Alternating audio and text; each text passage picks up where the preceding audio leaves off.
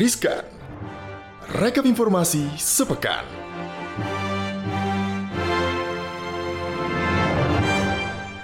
Hai, Hai, Sobat, Sobat Cuan. Apa kabar Cuan? Sobat Cuan? Semoga selalu dalam kondisi sehat-sehat dan bahagia. Amin. Amin. Ada Gali Ihsan di sini. dan juga Maria Katarina. Yoi dong dalam Riskan. Rekap informasi sepekan. Ada yang baru gal dari PSSI ya, apa Waduh, tuh? apa tuh kak? Nih ya, aku bacain nih kak infonya nih kak yang paling terhot. Ya. Nah, jadi nih Sobat Cuan, kabar terbaru dari PSSI adalah Nah, Erick Thohir resmi terpilih sebagai Ketua Umum baru PSSI untuk periode 2023-2027, menggantikan Muhammad Irawan. Nah, mantan bos Inter Milan itu unggul jauh dari pesaing terkuatnya yang juga ex Ketua Umum PSSI Lanyala Mataliti Mahmud.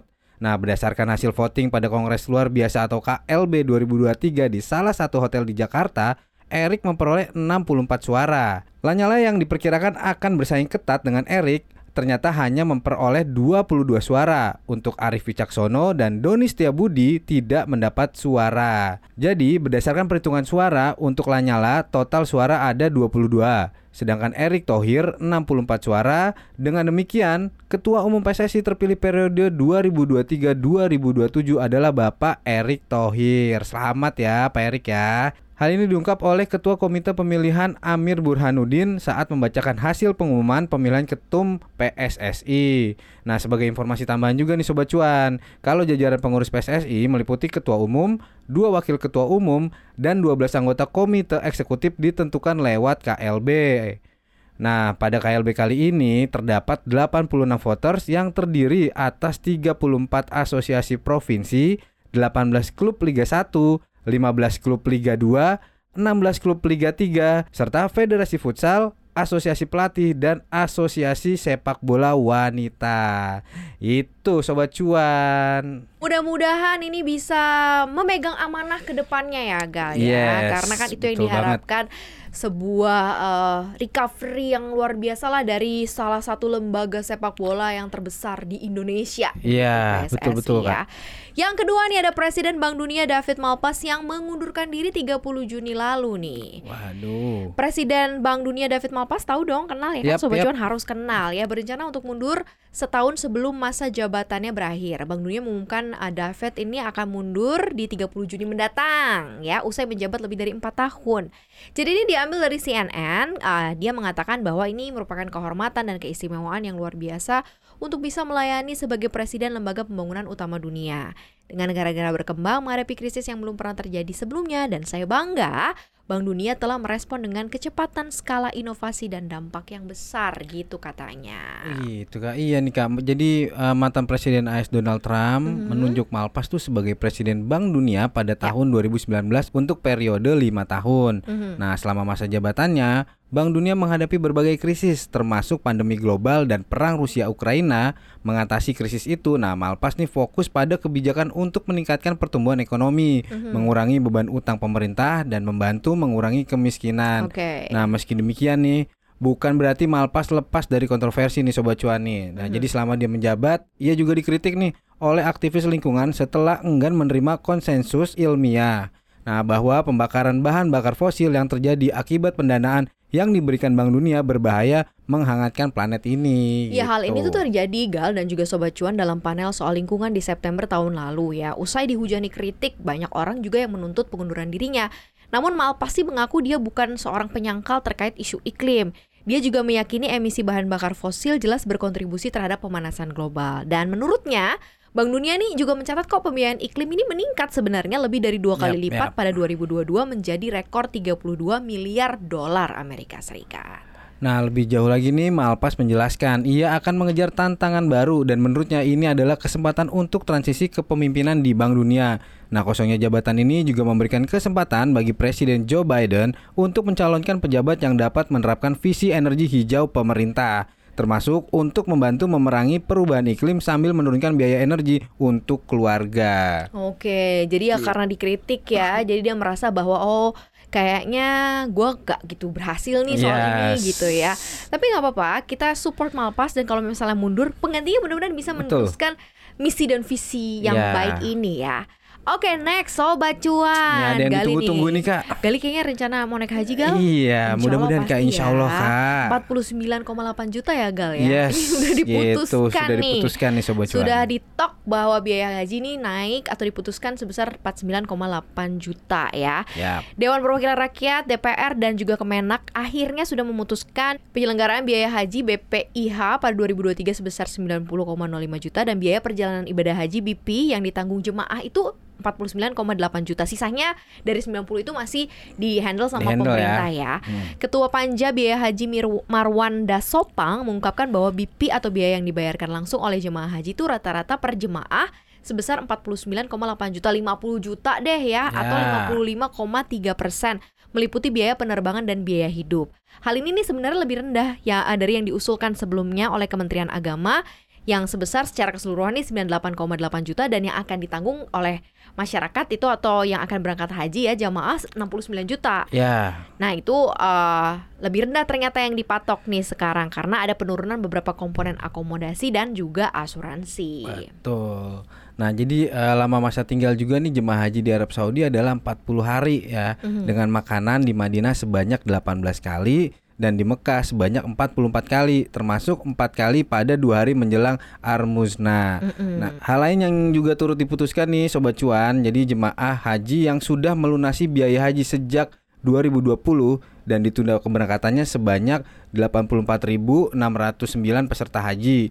Nah, jemaah tersebut akan diberangkatkan pada tahun 2023 dan tidak dibebankan tambahan biaya pelunasan.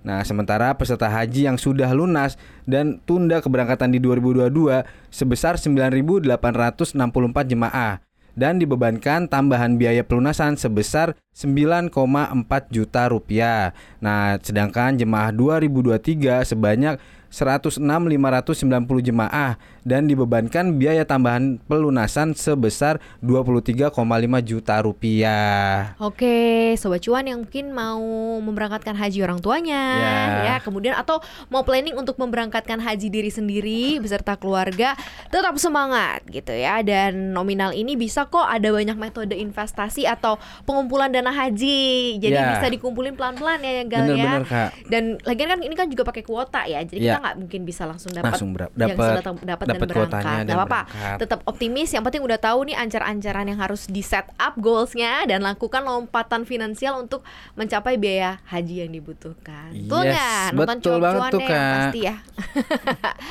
Lanjut chat GPT ini tuh sering banget ya chat GPT ini ya sukses yes, loh. bener. Karena ternyata Ternyata nih ada apa nih Kak di baliknya Kak kesuksesannya? itu membajak karyawan yang mbah Google. Waduh. Gila nggak tuh.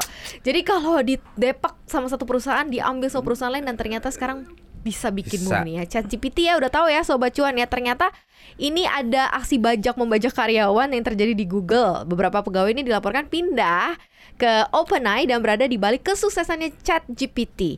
Dari informasi atau mengutip sejumlah sumber nih menyebutkan bahwa setidaknya ada lima nih, lima orang peneliti mantan pegawai Google yang menyiapkan ChatGPT sebelum dirilis ke publik. Mereka nih ada Barry Zob, kemudian Liam Fedus, Luke Matz, dan Jacob Menik serta Rapa Konicho Lopez ya.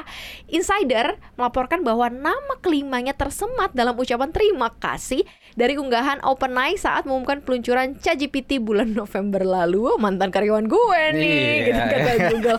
Dia ternyata dibalik kesuksesan ya ChatGPT. Betul, tapi ini ya Kak Sobat Cuan juga ya Sementara tuh di Google sendiri nih Nampaknya sejumlah karyawan tuh mulai lelah dengan budaya pekerjaannya Diungkapkan oleh dua mantan karyawan di Google Brand Divisi AI milik Alphabet Sejumlah karyawan menjelaskan bekas tempatnya bekerja memiliki lapisan birokrasi dan terlalu berhati-hati untuk inisiatif produk baru. Nah, alasan ini juga membuat beberapa pegawai akhirnya mencari pekerjaan lain.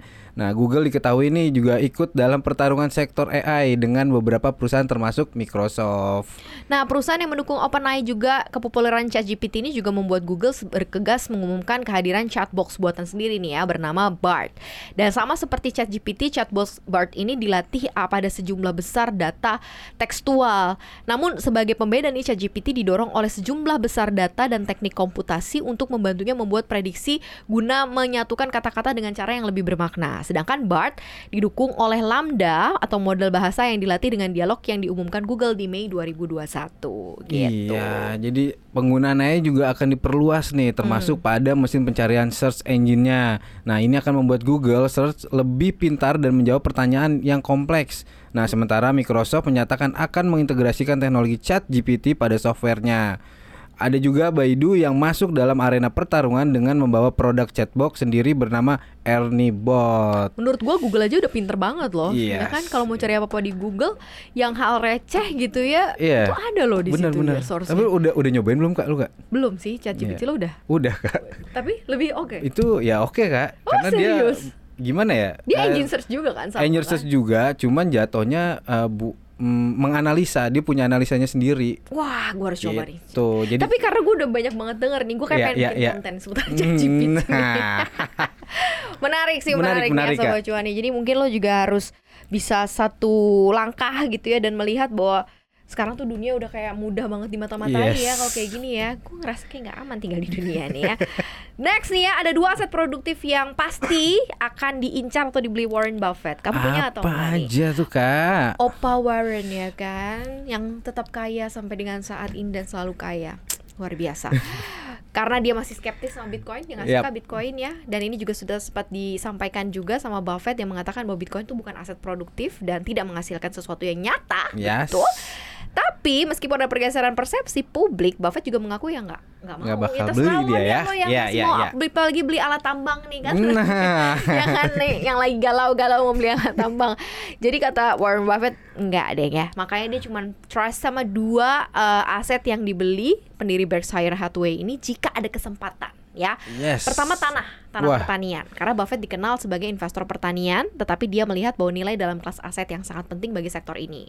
Hal itu adalah lahan pertanian. Karena apa jika kalau beli tanah Ya ini kan berwujud nih asetnya Iya, dan iya, iya. menghasilkan. Kalau misalnya ditanemin misalnya kayak padi atau ditanemin sama Buah-buahan gitu ya, Kak. singkong apa Ya. menghasilkan, bisa dijual, ada profitnya, bisa membayar orang untuk bekerja, Nah. menyerap tenaga kerja gitu.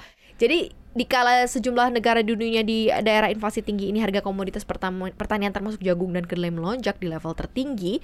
Nah, sehingga aset pertanian ini ya bisa jadi salah satu yang menarik karena kan Yes. harganya khususnya komoditi ikut komoditi global. kan. Ya, ya, Bener ya. Jadi bener, kita bener. Kalau ada krisis pangan, mungkin Warren Buffett berpikir, oh gue punya lah. Iya, bener. Gue gak akan kelaparan. Iya. Bakal jadi petani dia nah, nanti ya.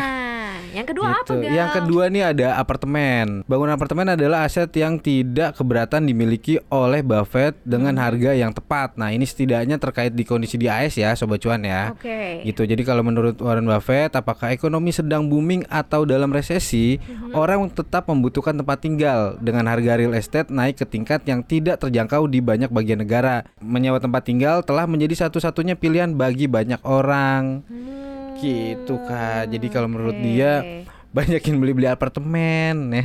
Walaupun kalau sekarang di Indonesia apartemen Yes, lagi lagi di ini nih ya. turun ya. turun. Orang nggak terlalu tertarik lagi punya hunian di high rise building. Yes. malah kita pengennya nyarinya landed house. Betul, betul.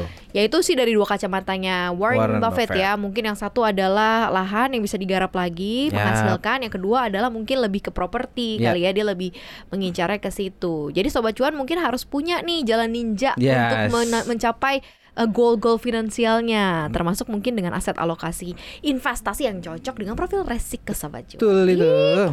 Keren Belajarnya di mana? Belajarnya di mana, Kak? Ya, gue mah nggak belajar. Gue belajar dari Iya. sobat cuan ya kan. Nah. Curhatan masuk kan itu sebagai Betul. pembelajaran. Thank you banget ya sobat cuan yang dengerin kita. Jangan lupa dengerin kita di mana aja.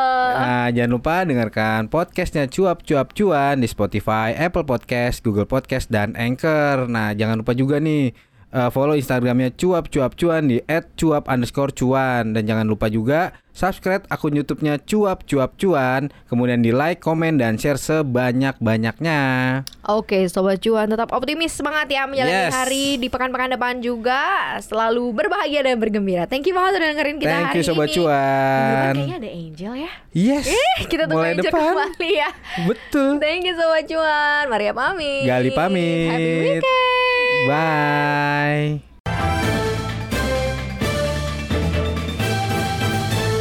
Riskan.